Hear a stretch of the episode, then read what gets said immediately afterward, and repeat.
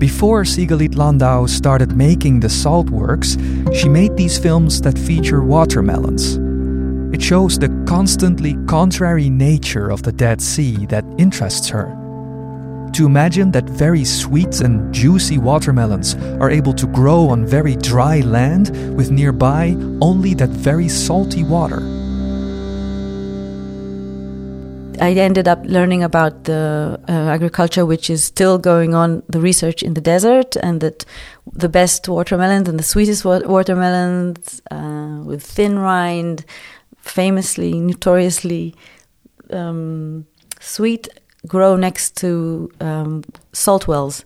So Yeah. in the desert, there's water, but you can suck it from underneath the ground, but it's not going to be water you drink Yeah, but there will be some crops will th- that will tolerate it. Not Yeah. that they will tolerate it; they will be sweeter than yeah, they- others. yeah. They, so they will transform it in a sense Yes, exactly. into their fruit. the fruit says, "I want to be as intense as the salt land," I, but the fruit becomes sweet. Yeah, It's all very metaphoric yeah. and interesting.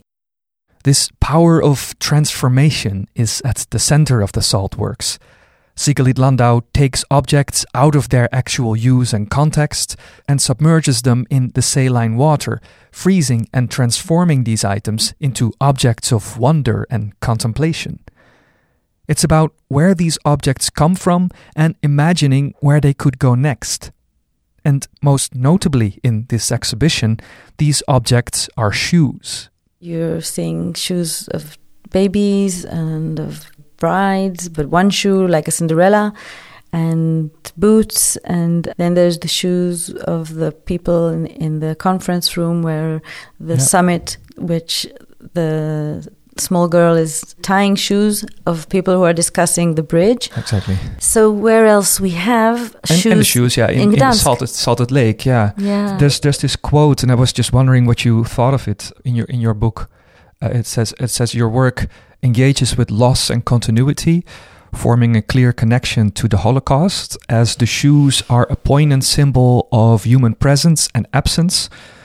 Uh, associated with the piles of shoes of victims of Auschwitz and other extermination camps. hmm That's that was something that I, I also thought of with these Mhm. shoes, having seen, and we're in a Jewish museum too. Mhm. So I guess that's I wouldn't be uh, surprised if people think, hmm but it is about a presence of absence, right? It's about it. it Yes, these yes. shoes stand for people that are not there. Yeah, shoes shoes will always stand for people who are not there. I don't think even you need to be an Israeli or a Jewish artist that that'll be something something's gone missing when you Yeah. see empty shoes. I don't um, I don't write. I don't somehow even participate in the actual you know theoretical th- debate and, and and cultural way of looking at, at the Holocaust, but for me it's personal. My father was in the camp, and he had his, uh, you know, lo- memories, and they're very specific. And my mother was, her parents uh, escaped Kristallnacht, Mhm. went to, to Israel, didn't like it, went to England. They were stateless, they were communist, and they were Mhm.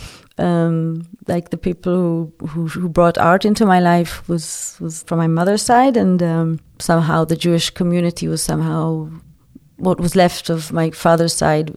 I kind of absorbed a lot of their uh, culture and their longing and their loss, and and uh, the story. The, the older you got, the, the more the truth you got, the, the more uh, you understand the damage and the and the pain and Yeah, and it's just I, I insist on some sort of innocence even this is it's, it's all true um, but i'm also alive today and seeing what i see and struggling and collecting you know the bits and pieces of of our identity